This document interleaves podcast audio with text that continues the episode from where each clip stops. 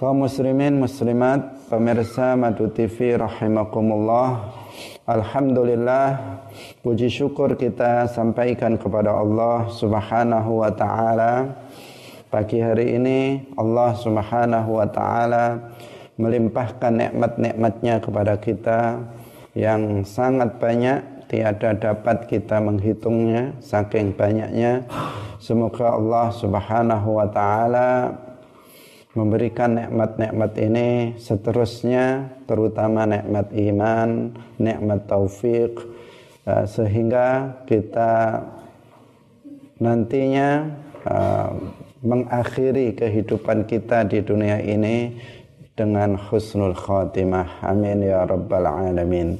Salawat dan salam semoga tetap terlimpahkan kepada Nabi Agung Nabi Muhammad sallallahu alaihi wasallam Semoga kita semuanya tergolong sebagai umat Rasulullah yang dicintai oleh beliau uh, sehingga kelak fi yaumil qiyamah kita dikumpulkan bersama beliau. Amin ya rabbal alamin. Pemirsa Madu TV kaum muslimin rahimakumullah. Pada pagi hari ini kita akan mulai membahas tentang makna syahadat yang kedua. Telah selesai kita membahas makna syahadat yang pertama diakhiri dengan penjelasan secara singkat uh, sifat wajib bagi Allah. Hari ini kita mulai membahas tentang makna syahadat yang kedua. Qala al-muallif rahimahullah jangan lupa untuk mengikhlaskan niatnya lillahi taala. Qala al-muallif rahimahullah taala wa ma'na ashhadu anna Muhammadar Rasulullah lan utawi maknane ashhadu anna Muhammadar Rasulullah iku anta alama yen to ngawruhi sapa sira wa ta'taqida lan ngeyakini sapa sira. Wa tusaddiqa. Lan beneraken sapa sira. Wa tu'mina. Lan ngimani sapa sira. Anna sayyidana. Ing sak temene Gusti kita bendoro kita. Wa nabiyyana lan nabi kita. Rupane Muhammad bin Abdullah Muhammad ibn Abdullah ibn Abdul Muttalib ibn Hashim ibn Abdi Manafin Al-Qurashi Al-Qurashiyah kang bangsa Quraisy. Sallallahu alaihi wasallam iku Abdullahi kawulane Allah. Wa rasuluhu lan utusane Allah. Ila jami'il khalqi maring sekabehane makhluk. Wulida dan lahiraken. Sapa kanjeng nabi bimakkata ing dalam tanah Makkah ing dalam kota Makkah. Wa bu'itsa lan den utus sapa kanjeng nabi biha ing dalam kota Makkah. Wa hajara lan was hijrah sapa kanjeng nabi ilal madinati maring Madinah wa dufina lanten makamaken sapa Kanjeng Nabi fiha ing dalam Madinah. Pemirsa Madu TV rahimakumullah. Makna dasar dari syahadat yang kedua yaitu asyhadu anna Muhammadar Rasulullah adalah mengetahui meyakini bahwa Muhammad bin Abdullah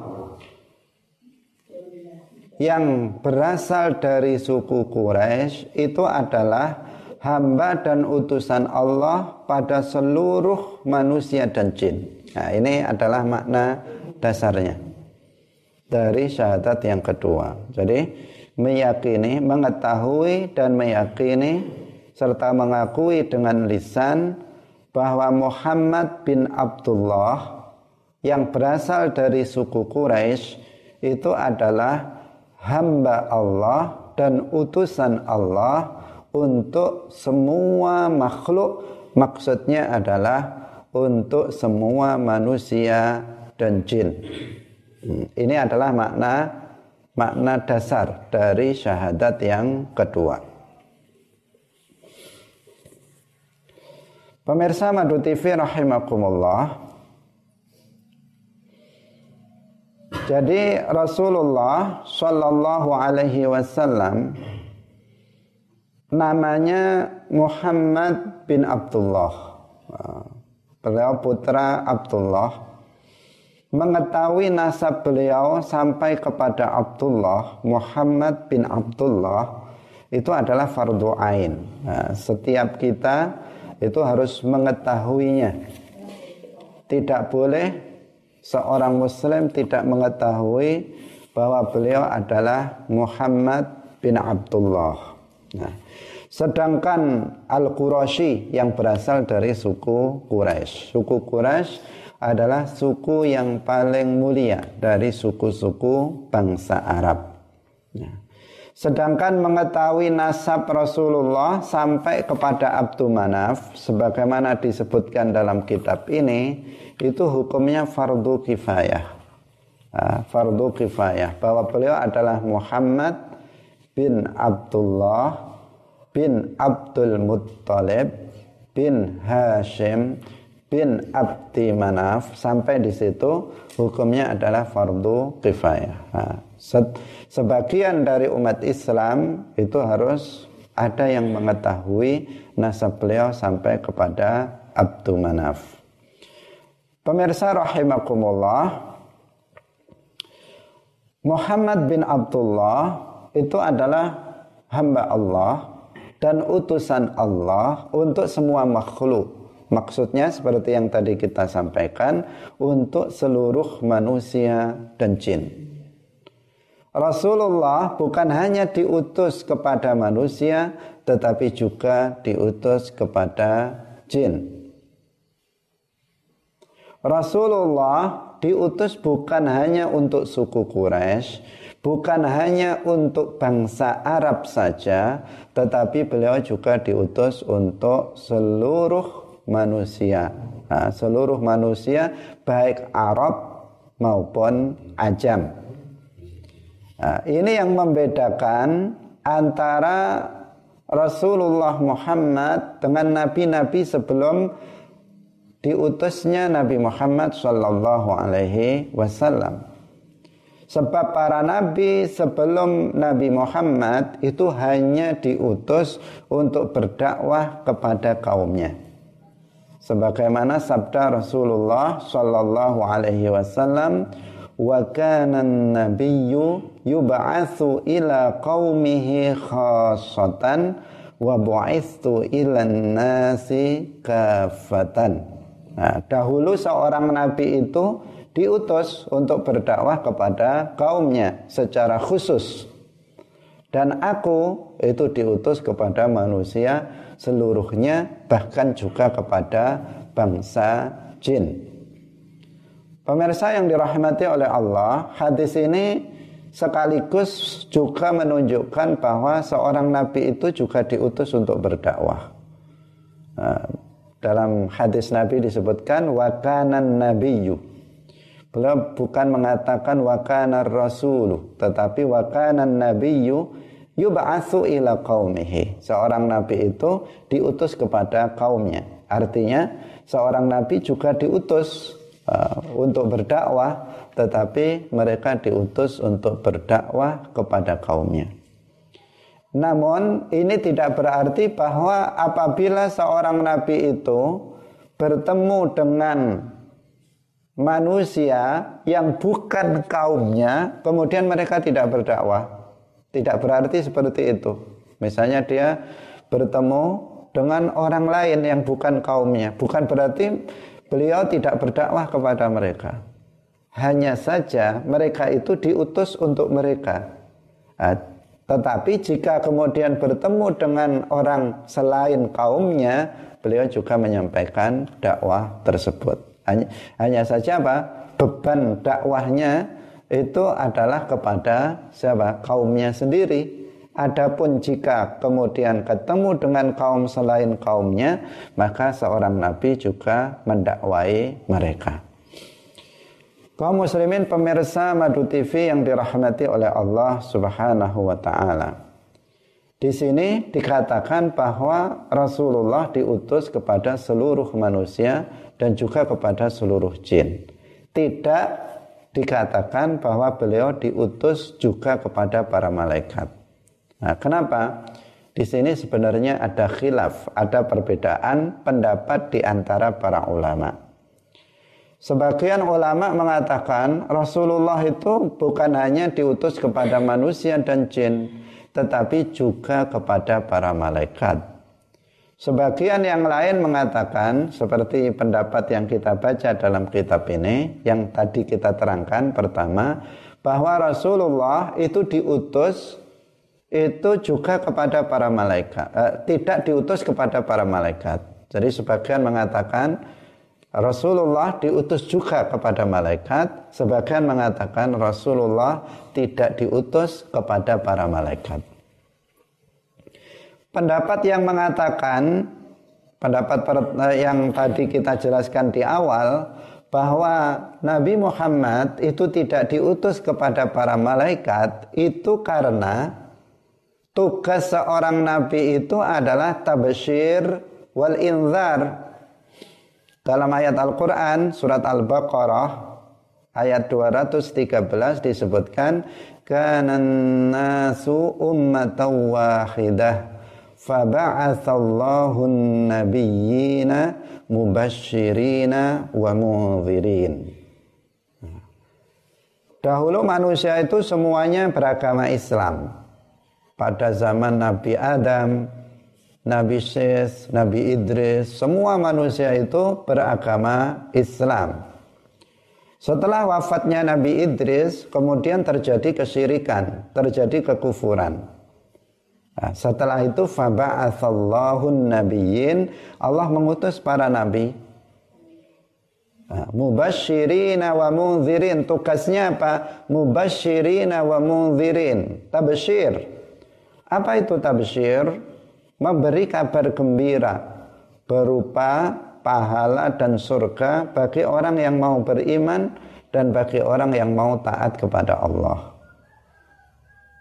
Wal, wal, wal munzirin wa munzirin dan inzar tugas seorang nabi adalah inzar apa itu inzar yaitu memberikan peringatan dan ancaman kepada orang-orang yang kafir dan orang-orang yang bermaksiat dengan ancaman azab dan neraka. Itu namanya inzar. Jadi tugas Nabi itu secara umum dua ini. Yang pertama adalah tabsyir, yang kedua adalah inzar.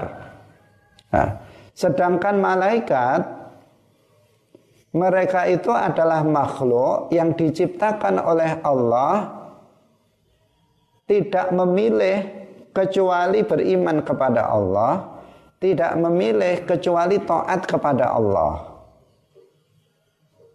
Jadi malaikat itu adalah makhluk Allah yang dia juga memiliki kehendak. Dia memiliki ikhtiar, bukan berarti dia majbur, tidak. Malaikat itu memiliki ikhtiar, memiliki kehendak. Tetapi kehendak malaikat itu selalu mengarah kepada keimanan dan apa namanya ketaatan. Tidak memilih kecuali kebaikan. Itulah para malaikat. Al malaikatu khuliqu majbulina bitta'ati nah, para malaikat itu diciptakan dalam keadaan tidak bisa atau tidak memilih kecuali melakukan ketaatan. Sehingga para malaikat ini tidak butuh tabsyir dan inzar.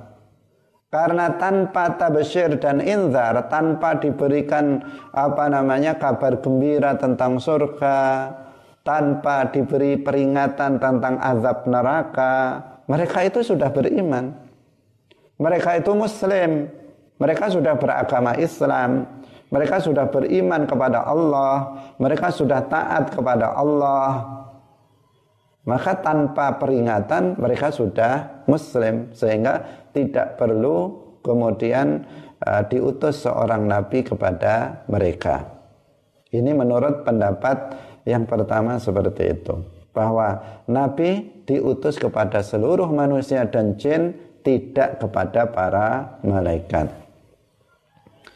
Dalam Al-Quran disebutkan bahwasanya malaikat itu la ya'sunallaha ma amarahum wa yaf'aluna ma yu'marun. Mereka tidak pernah bermaksiat terhadap apa yang Allah perintahkan kepada mereka dan mereka senantiasa menjalankan apa yang diperintahkan kepada mereka. Artinya mereka tanpa diutusnya seorang nabi kepada mereka, mereka sudah muslim, mereka sudah taat kepada Allah Subhanahu wa taala. Nah, tetapi pendapat yang lain mengatakan Rasulullah Muhammad juga diutus untuk para malaikat. Tetapi tu, diutusnya Rasulullah kepada para malaikat itu bukan untuk tabsyir wal inzar bukan untuk memberikan kabar gembira dengan surga dan ancaman dengan neraka tidak. Tetapi irsalut tashrif. Ah, diutus sebagai penghormatan kepada Nabi Muhammad sallallahu alaihi wasallam. Ah, menjadi beliau lebih mulia dengan bahwa beliau juga diutus kepada para malaikat Uh, malaikat Allah. Jadi namanya apa? Irsalut tashrif. Menurut sebagian ulama, beliau juga diutus untuk malaikat, tetapi uh, bukan irsal untuk al apa at-tabsyir wal inzar tetapi irsalut tashrif nah, sebagai bentuk pemuliaan penghormatan kepada kanjeng Nabi Muhammad sallallahu alaihi wasallam. Kaum muslimin pemirsa yang dirahmati oleh Allah Subhanahu wa taala. Rasulullah sallallahu alaihi wasallam kemudian dijelaskan oleh muallif dilahirkan di Makkah. Wulida bi Makkah. Beliau dilahirkan di Makkah. Makkah adalah salah satu dari dua tanah haram. Jadi ada tanah haram Makkah, ada tanah haram Madinah. Nah, tanah haram adalah tanah yang dimuliakan oleh Allah Subhanahu wa taala. Yang di sana ada Al-Masjidul Haram yang di dalamnya ada Al-Ka'batul Musyarrafah. Rasulullah itu dilahirkan di kota Makkah. Yaitu pada tahun gajah. Nah, Amul Fil tahun gajah artinya pada tahun yang sama ketika tentara Abraha tentara bergajah yang apa namanya yang dikirimkan oleh Abraha datang ke Makkah untuk menghancurkan Ka'bah. Tujuannya itu, tetapi kemudian Allah mengazab, menurunkan azab kepada mereka sehingga seluruhnya itu mati.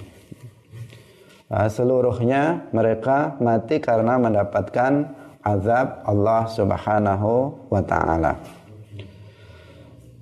Ini namanya tahun gajah. Lah pada tahun yang sama pada tahun yang sama itu Rasulullah Shallallahu Alaihi Wasallam dilahirkan.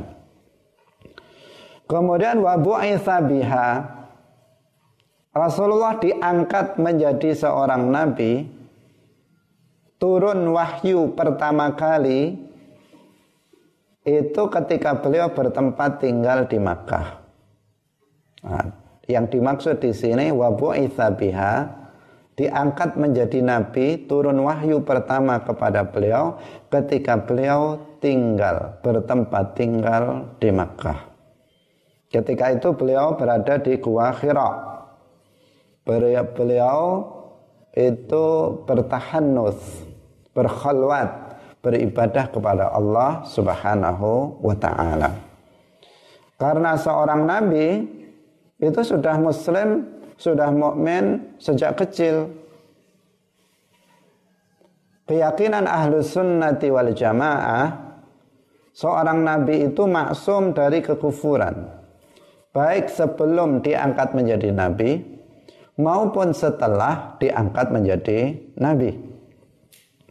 Maka Rasulullah Shallallahu Alaihi Wasallam itu mukmin sudah beriman sudah mengenal Allah sejak kecil Rasulullah, Rasulullah sudah mengenal Allah dan beribadah kepada Allah.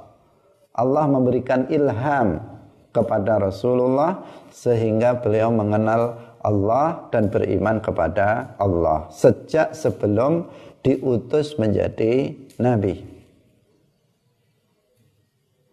Nah, sedangkan makna ayat wa wajadaka fahada itu bukan berarti bahwa nabi itu pernah sesat. Seperti yang dikatakan oleh sebagian orang nabi dulu pernah sesat. Pernah kufur. Ini adalah penafsiran yang keliru. Para ulama menjelaskan wa wajadaka fahada artinya dahulu kamu Muhammad itu tidak mengetahui rincian rincian dari syariat Islam sebelum diutusnya, sebelum turun wahyu kepada beliau, beliau tidak mengetahui rincian syariat Islam. Nah, kemudian Allah mengangkatnya menjadi nabi, menurunkan wahyu kepada beliau sehingga kemudian beliau mengetahui rincian syariat Islam. Itu penafsiran dari para ulama. Nah, Pemirsa Madu TV kaum muslimin rahimakumullah. Jadi Rasulullah Shallallahu Alaihi Wasallam diangkat menjadi nabi ketika beliau bertempat tinggal di Makkah. Bukan ketika beliau ketika itu persis berada di Makkah. Karena Gua Hira itu letaknya sudah berada di luar batas kota Makkah.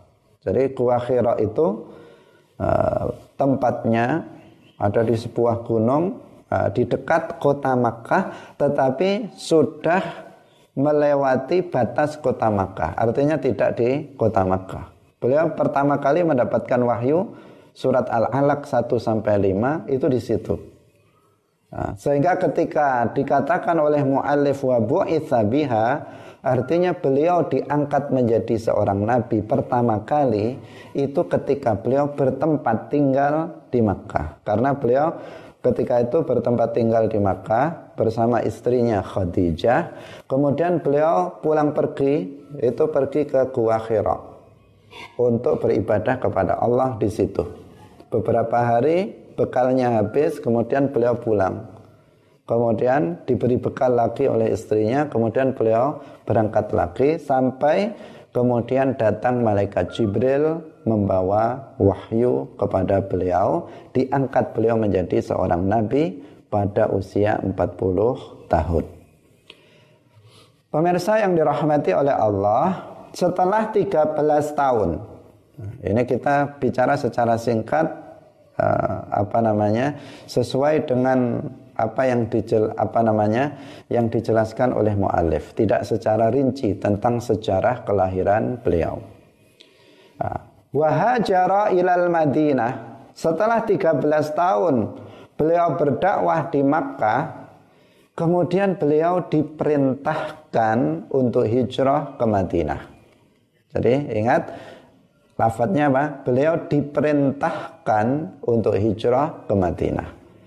Nah, dulu namanya Yasrib atau Toibah. Ya, Toibah itu adalah nama lain dari Al-Madinatul Munawwarah atau Yasrib.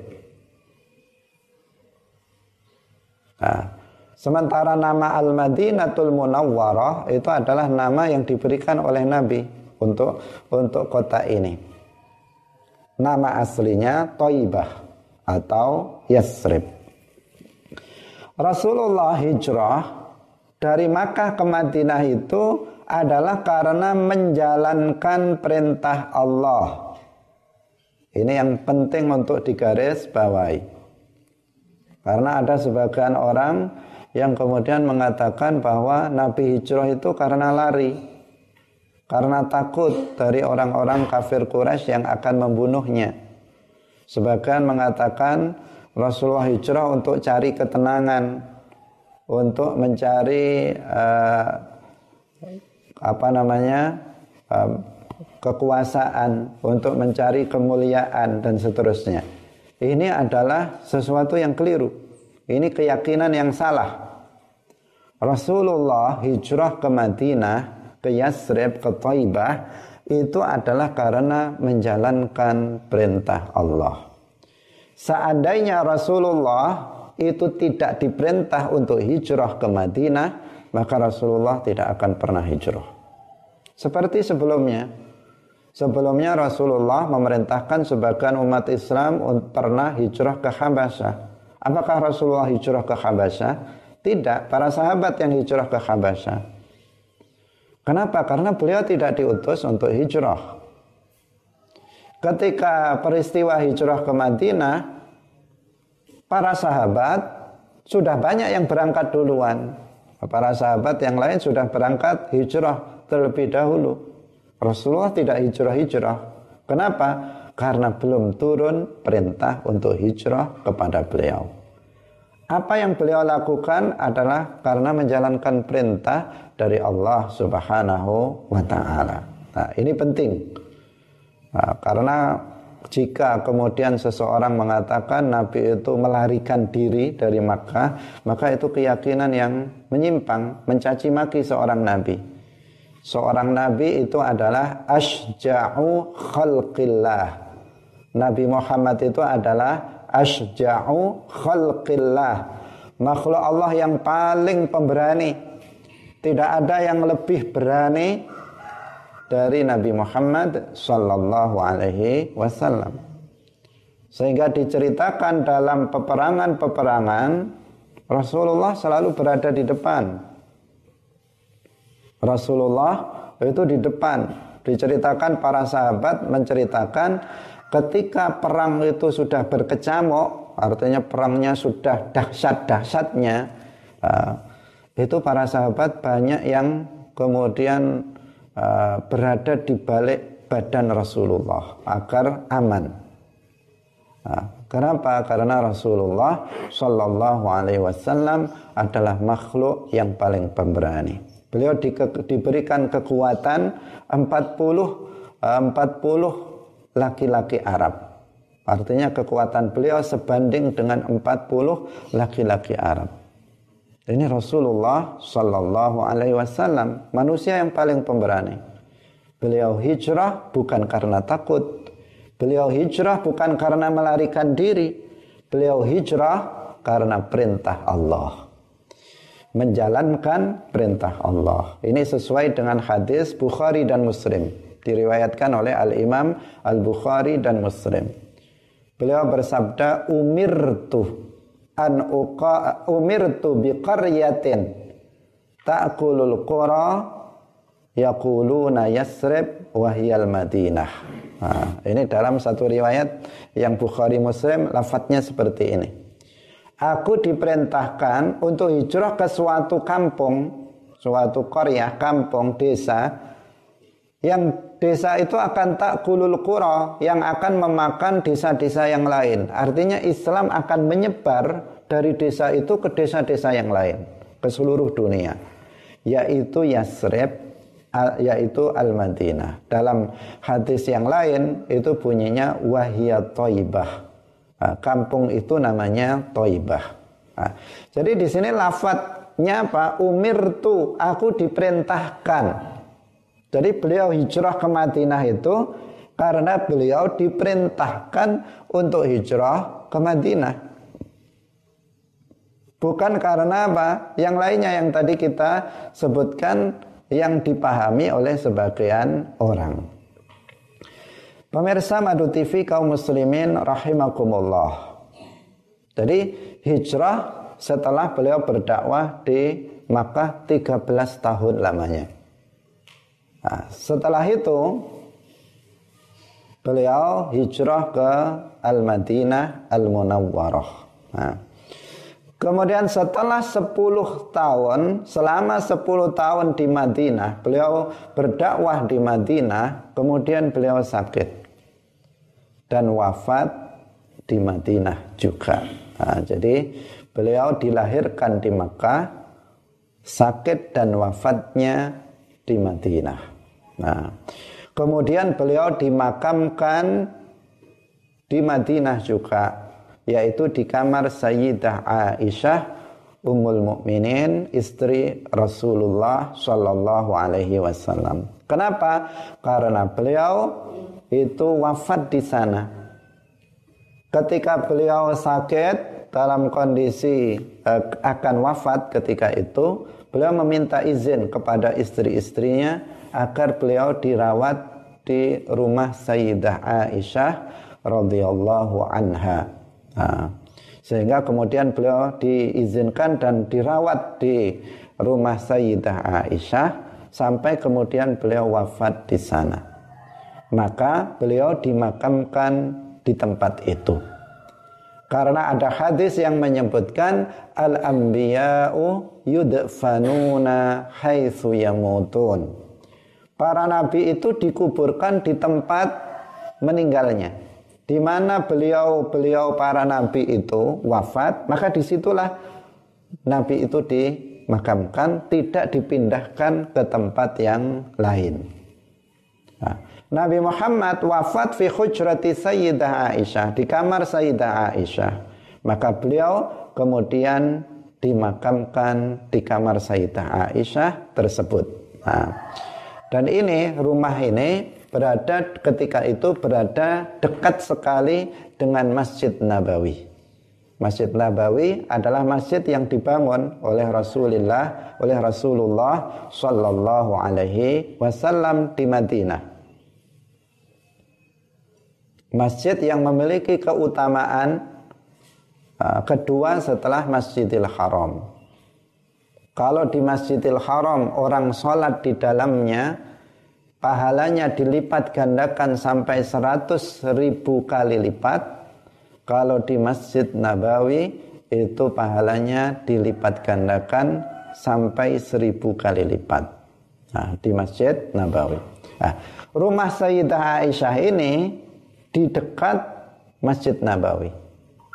Nah, setelah ada pelebaran masjid, maka rumah ini kemudian menjadi berada di dalam masjid.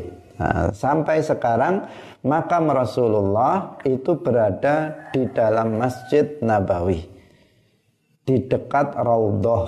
Nah, jadi ada Raudhah di Masjid Nabawi ada namanya Raudhah yang nanti pada hari kiamat tempat ini akan dipindahkan ke dalam surga. Raudhah min riyadil jannah. Nah, orang yang sholat di situ memiliki keutamaan yang sangat besar. Sehingga uh, orang nggak pernah sepi tempat itu. Berebut uh, berebut orang untuk sholat di tempat itu. Jam 3 malam pun di situ sudah antri ribuan orang untuk sesak untuk apa namanya antri untuk sholat di Raudhah. Raudhah itu adalah tempat antara mimbarnya Nabi dan makam Nabi.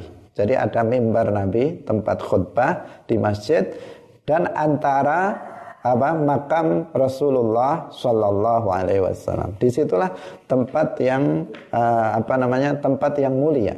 Nah, jadi apa namanya makam Rasulullah itu di dekat uh, di dekat Raudhah di dalam Masjid Nabawi sekarang. Uh, di sampingnya itu ada makam Sayyiduna Abu Bakar As-Siddiq radhiyallahu anhu. Kemudian ada makam Sayyiduna Umar bin Khattab radhiyallahu anhu. Nah, sekarang itu berada di bawah Kubah khadra. Ini namanya gambar kubah kubah khadra. Nah, kubah hijau di di Masjid Nabawi. Nah, Masjid Nabawi kubahnya banyak sekali. Ada satu yang hijau warnanya Di bawahnya itu adalah raudhah dan makam Rasulullah Sallallahu Alaihi Wasallam. Sehingga sering kita melihat gambar ini, nah, karena ini adalah simbol dari uh, apa namanya simbol untuk kita mengingat Rasulullah Sallallahu Alaihi Wasallam karena di bawah kubah khadra inilah Rasulullah Sallallahu Alaihi Wasallam dimakamkan. Kaum muslimin pemirsa Madu TV yang dirahmati oleh Allah Subhanahu wa taala. Kenapa Sayyiduna Abu Bakar As-Siddiq dimakamkan juga di situ? Karena Sayyiduna Abu Bakar As-Siddiq adalah ayahnya Sayyidah Aisyah. Nah, tempat itu milik siapa? Milik Sayyidah Aisyah. Rasulullah dimakamkan di situ, beliau suami dari Sayyidah Aisyah. Nah, setelah Rasulullah wafat, nah, setelah setelah Rasulullah wafat dimakamkan di situ, kemudian ketika Abu Bakar As-Siddiq wafat, beliau adalah ayah dari Sayyidah Aisyah. Maka kemudian dimakamkan di samping sahabatnya. Nah, selain bahwa Abu Bakar As-Siddiq adalah sahabat Rasulullah yang paling mulia dan yang paling dekat dengan Rasulullah Sallallahu Alaihi Wasallam maka Abu Bakar dimakamkan di samping sahabatnya yaitu Rasulullah Sallallahu Alaihi Wasallam. Nah, kemudian Sayyiduna Umar bin Khattab radhiyallahu anhu juga dimakamkan di situ.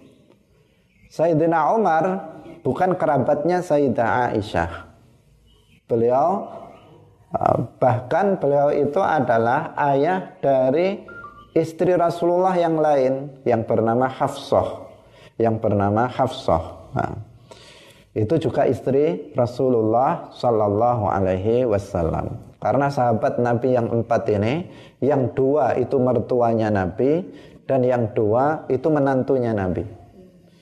Abu Bakar As-Siddiq mertuanya Nabi, putrinya yang bernama Aisyah diperistri oleh Nabi. Sayyiduna Umar bin Al-Khattab mertua Nabi karena putrinya yang bernama Hafsah diperistri oleh Nabi. Utsman bin Affan, Sayyiduna Utsman bin Affan adalah menantu Nabi dua kali. Karena beliau sehingga beliau dijuluki dengan Zunnurain. Nah, putri beliau namanya Ruqayyah dan Ummu Kulthum itu dinikahi oleh Rasulullah. Nah, sehingga beliau disebut Zunnurain yang memiliki dua cahaya. Bukan sekali dua, tetapi setelah kakaknya meninggal baru kemudian dinikahkan dengan yang kedua. Nah, Sayyiduna Ali bin Abi Thalib itu adalah menantu Nabi karena putri Nabi yang bernama Fatimah itu dinikahi oleh Sayyidina Ali. Nah, mereka adalah orang-orang yang sangat mulia. Nah, Sayyidina Umar tidak ada hubungan kekerabatan dekat dengan Sayyidah Aisyah. Kenapa beliau dimakamkan di situ? Nah, ini sebenarnya rencananya Sayyidah Aisyah itu yang ingin dimakamkan di tempat itu. Jadi Sayyidah Aisyah itu sudah bercita-cita nanti kalau saya meninggal saya ingin dimakamkan di tempat ini dekat ayah dan suaminya.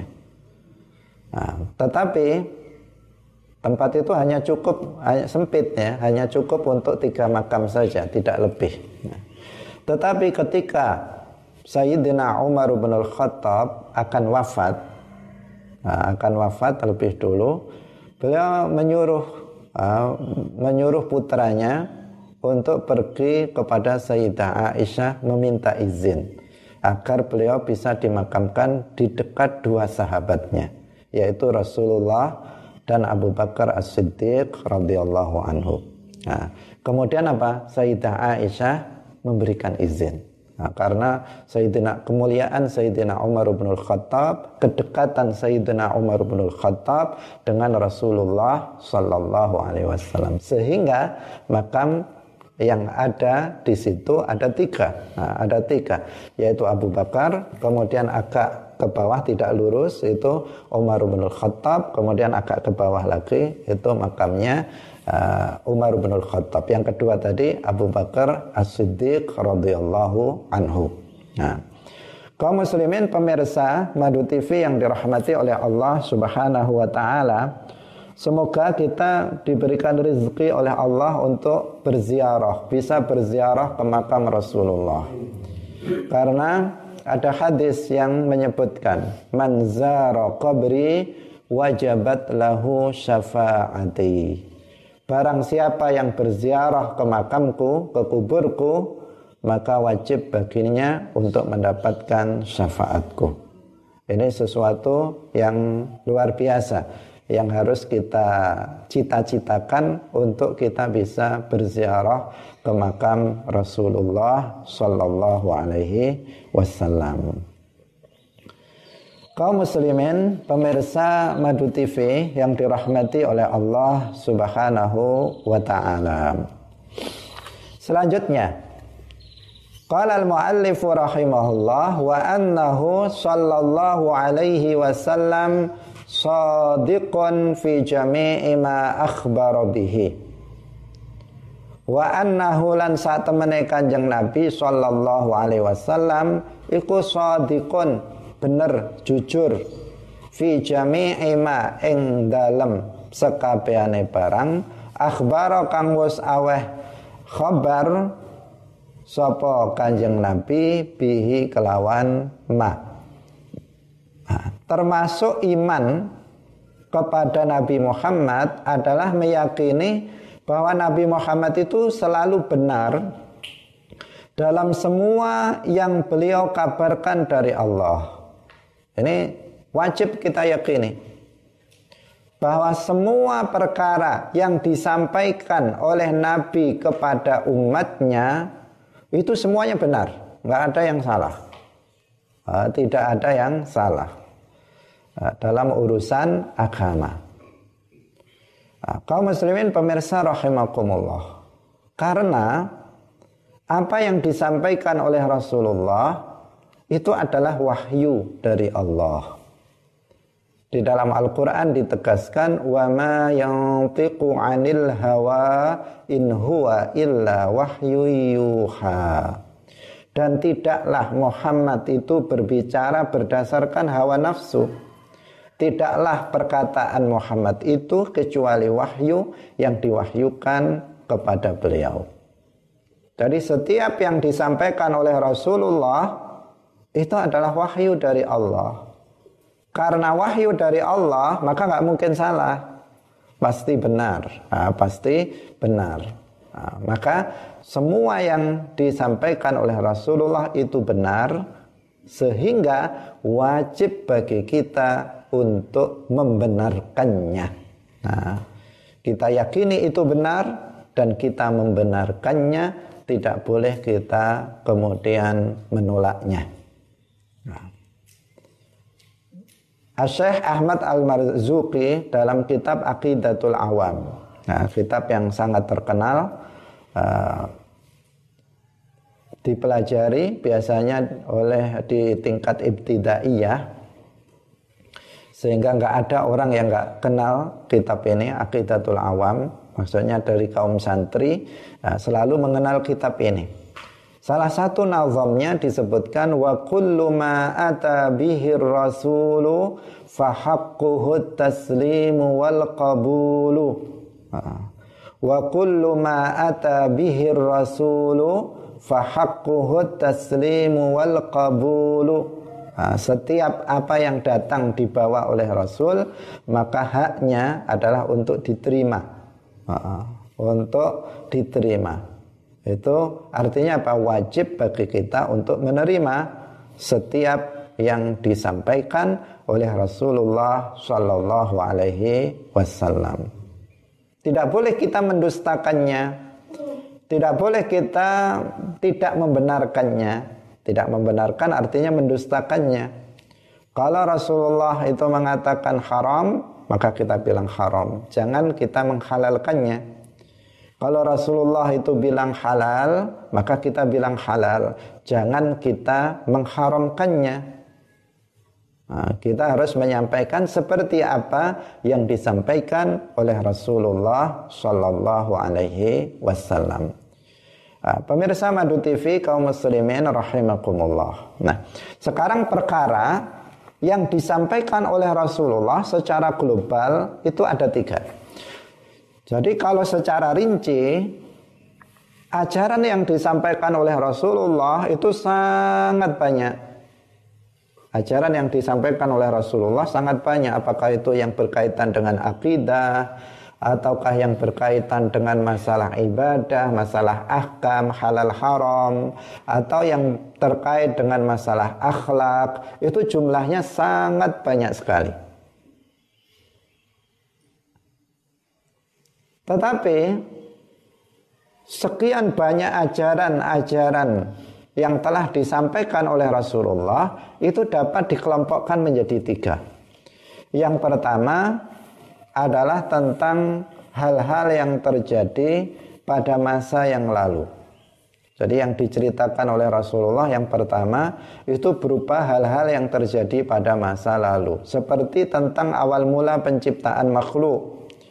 Cerita para nabi dan umat-umat terdahulu. Rasulullah menceritakan uh, kisah sebagian para nabi.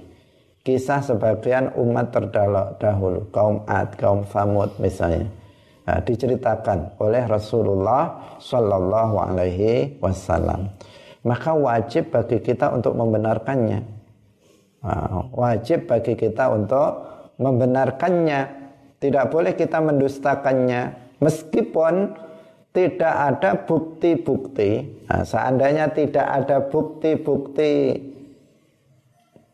Apa istilahnya itu dalam sejarah itu tidak ada bukti-bukti peninggalan dari para nabi atau kaum itu.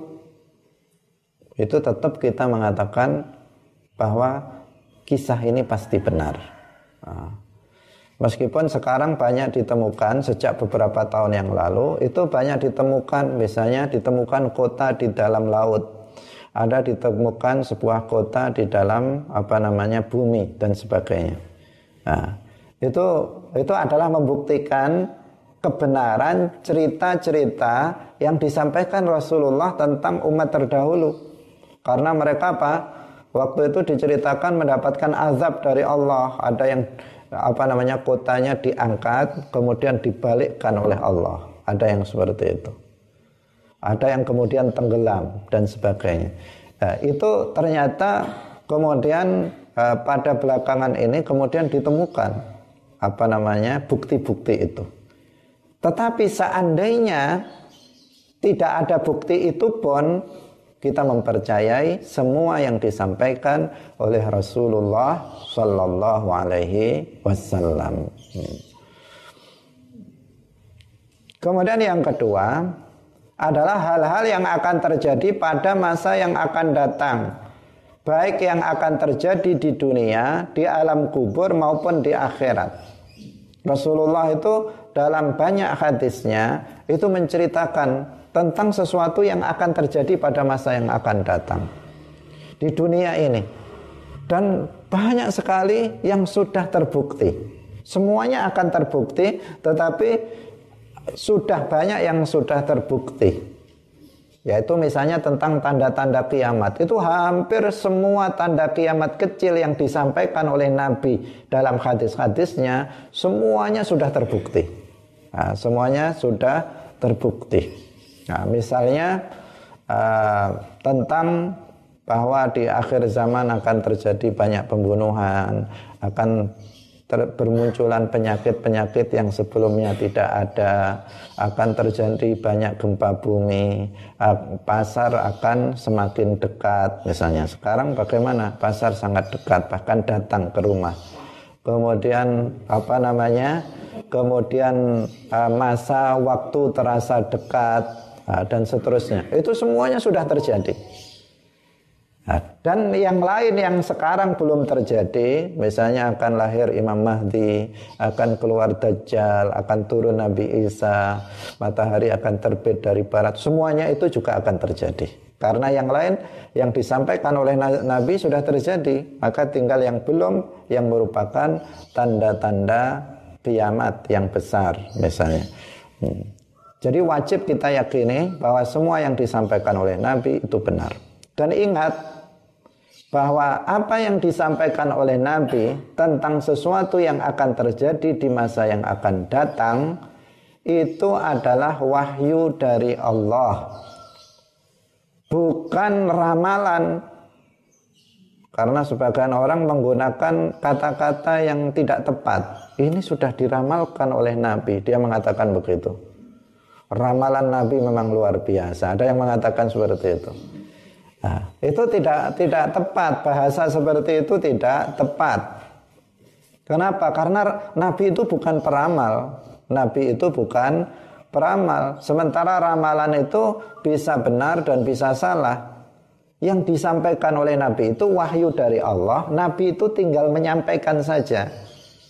Dan Nabi tidak mengetahui semua yang akan terjadi di masa yang akan datang. Beliau mengetahui hanya sebagian kecil yang Allah memberitahukan kepada beliau melalui wahyu, kemudian beliau sampaikan kepada umatnya.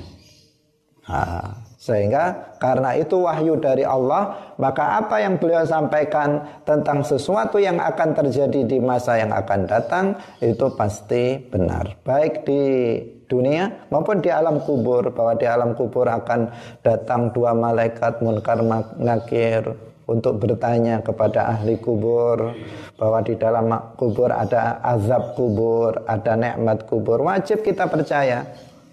Meskipun kita tidak menyaksikannya sendiri, tetapi wajib kita mempercayainya bahwa setelah itu nanti akan terjadi kiamat, manusia akan dibangkitkan dari kuburnya, kemudian manusia akan dikumpulkan di mahsyar, akan dihisap, akan ditimbang amalnya dan seterusnya. Insya Allah pembahasan itu akan kita bahas mulai besok. Nah, itu hal-hal yang disampaikan oleh Rasulullah nah, yang terjadi pada masa yang akan datang di dalam kubur maupun di akhirat wajib untuk kita imani karena apa? Itu adalah sudah disampaikan oleh Rasulullah Sallallahu Alaihi Wasallam kepada kita. Hmm. Kemudian yang selanjutnya, yang ketiga adalah tentang at-tahlil wa tahrim. Bahwa perkara ini halal, perkara ini haram, perbuatan ini halal, perbuatan ini haram. Ini wajib untuk kita benarkan. Seperti yang tadi sudah kita singgung. Apa yang dikatakan oleh Nabi itu haram, harus kita katakan haram meskipun kita belum bisa meninggalkannya. Nah, jadi ini penting untuk apa ditekankan. Meskipun kita belum bisa meninggalkannya, kalau kita tahu itu haram, bilang haram. Jangan dibilang halal. Gara-gara dia hobinya misalnya uh, main musik yang diharamkan, kemudian dia dia rubah hukumnya dari haram menjadi halal misalnya. Nggak boleh. Kalau haram ya haram. Kalau kamu memang hobi, ya kamu berarti melakukannya berdosa. Tapi selama dia meyakini bahwa itu haram meskipun dia melakukannya, dia akidahnya tetap aman. Meskipun dia berdosa, tapi akidahnya tetap aman. Tetapi jika dia kemudian merubah hukum, Rasulullah mengatakannya haram, dia bilang halal. Ini masalah akidah, bukan masalah amaliyah. Kalau masalah amaliyah, berapa kewajiban yang kita tinggalkan? Berupa berapa maksiat yang sudah kita lakukan? Banyak. Nah, kalau masalah amaliyah, tetapi ini masalah akidah. Jangan sampai kita itu meng, me, menghar, menghalalkan sesuatu yang haram gara-gara kita melakukannya. Juga jangan sampai kita mengharamkan sesuatu yang halal gara-gara apa? Gara-gara kita tidak bisa mendapatkannya. Gara-gara misalnya uh, setiap kali dagang rugi-rugi terus bangkrut sampai habis uh, uangnya misalnya. Kemudian dia mengatakan jual beli itu haram misalnya. Nah ini nggak boleh. Nggak boleh dia mengatakan seperti itu. Karena apa? Ini mendustakan Rasulullah. Bahkan mendustakan Allah. Dalam Al-Quran Allah berfirman, Ahallallahul bay'a. Allah menghalalkan jual beli. Kemudian dia datang mengatakan haram. Ini ini akidah, sudah masalahnya akidah. Menikah hukumnya halal. Fankihu ma tabalakum minan nisa. Sudah jelas Al-Qur'an mengatakan begitu, hadis juga seperti itu. Kemudian ada seseorang nggak laku-laku, sudah tua nggak nikah-nikah, nggak laku-laku. Kemudian dia kemudian mengatakan ah, nikah itu haram misalnya. Ini enggak, ini apa? Ini berarti telah mendustakan Rasulullah. Tidak boleh. Jadi hukum itu tetap hukum. Kalau haram tetap haram, kalau halal tetap halal. Jangan kita merubahnya. Nah, meskipun perkara yang haram itu kita masih melakukannya. Misalnya bersalaman laki-laki dan perempuan ajnabiyah yang bukan mahram Hukumnya haram. Jelas hadisnya banyak sekali inilah usafikhun nisa misalnya. La ayut'ana ahadukum bi hadidatin fi ra'sihi khairun lahu min ayamus samra'atan la tahillu lahu misalnya. Banyak sekali hadisnya. Meskipun dosanya tergolong dosa kecil, tetapi itu haram. Nah, Kemudian seseorang gara-gara setiap hari dia bersalaman dengan perempuan ajnabiyah, kemudian dia bilang itu halal. Itu nggak boleh. Nah, dia melakukannya, dia berdosa. Tetapi kalau dia menghalalkannya, maka bisa kufur. Karena apa? Mendustakan Rasulullah. Ini yang berat itu apa? Merubah hukum inilah. Kalau keyakinannya tetap, tapi dia melakukannya, nah itu sudah sudah banyak di antara kita yang melakukan dosa setiap hari kita melakukan dosa. Nah, tetapi jangan sampai kita merubah hukum. Jangan sampai kita merubah hukum yang sudah ditetapkan oleh Rasulullah Shallallahu Alaihi Wasallam. Nah, insya Allah besok kita akan lanjutkan dengan hal-hal yang disampaikan oleh Nabi di alam kubur di alam kubur ada azab kubur, ada nikmat kubur, ada pertanyaan malaikat munkar dan nakir. Bagaimana uh, apa namanya penjelasannya tentang masalah itu? Insya Allah kita jelaskan besok. Nah, kita akhiri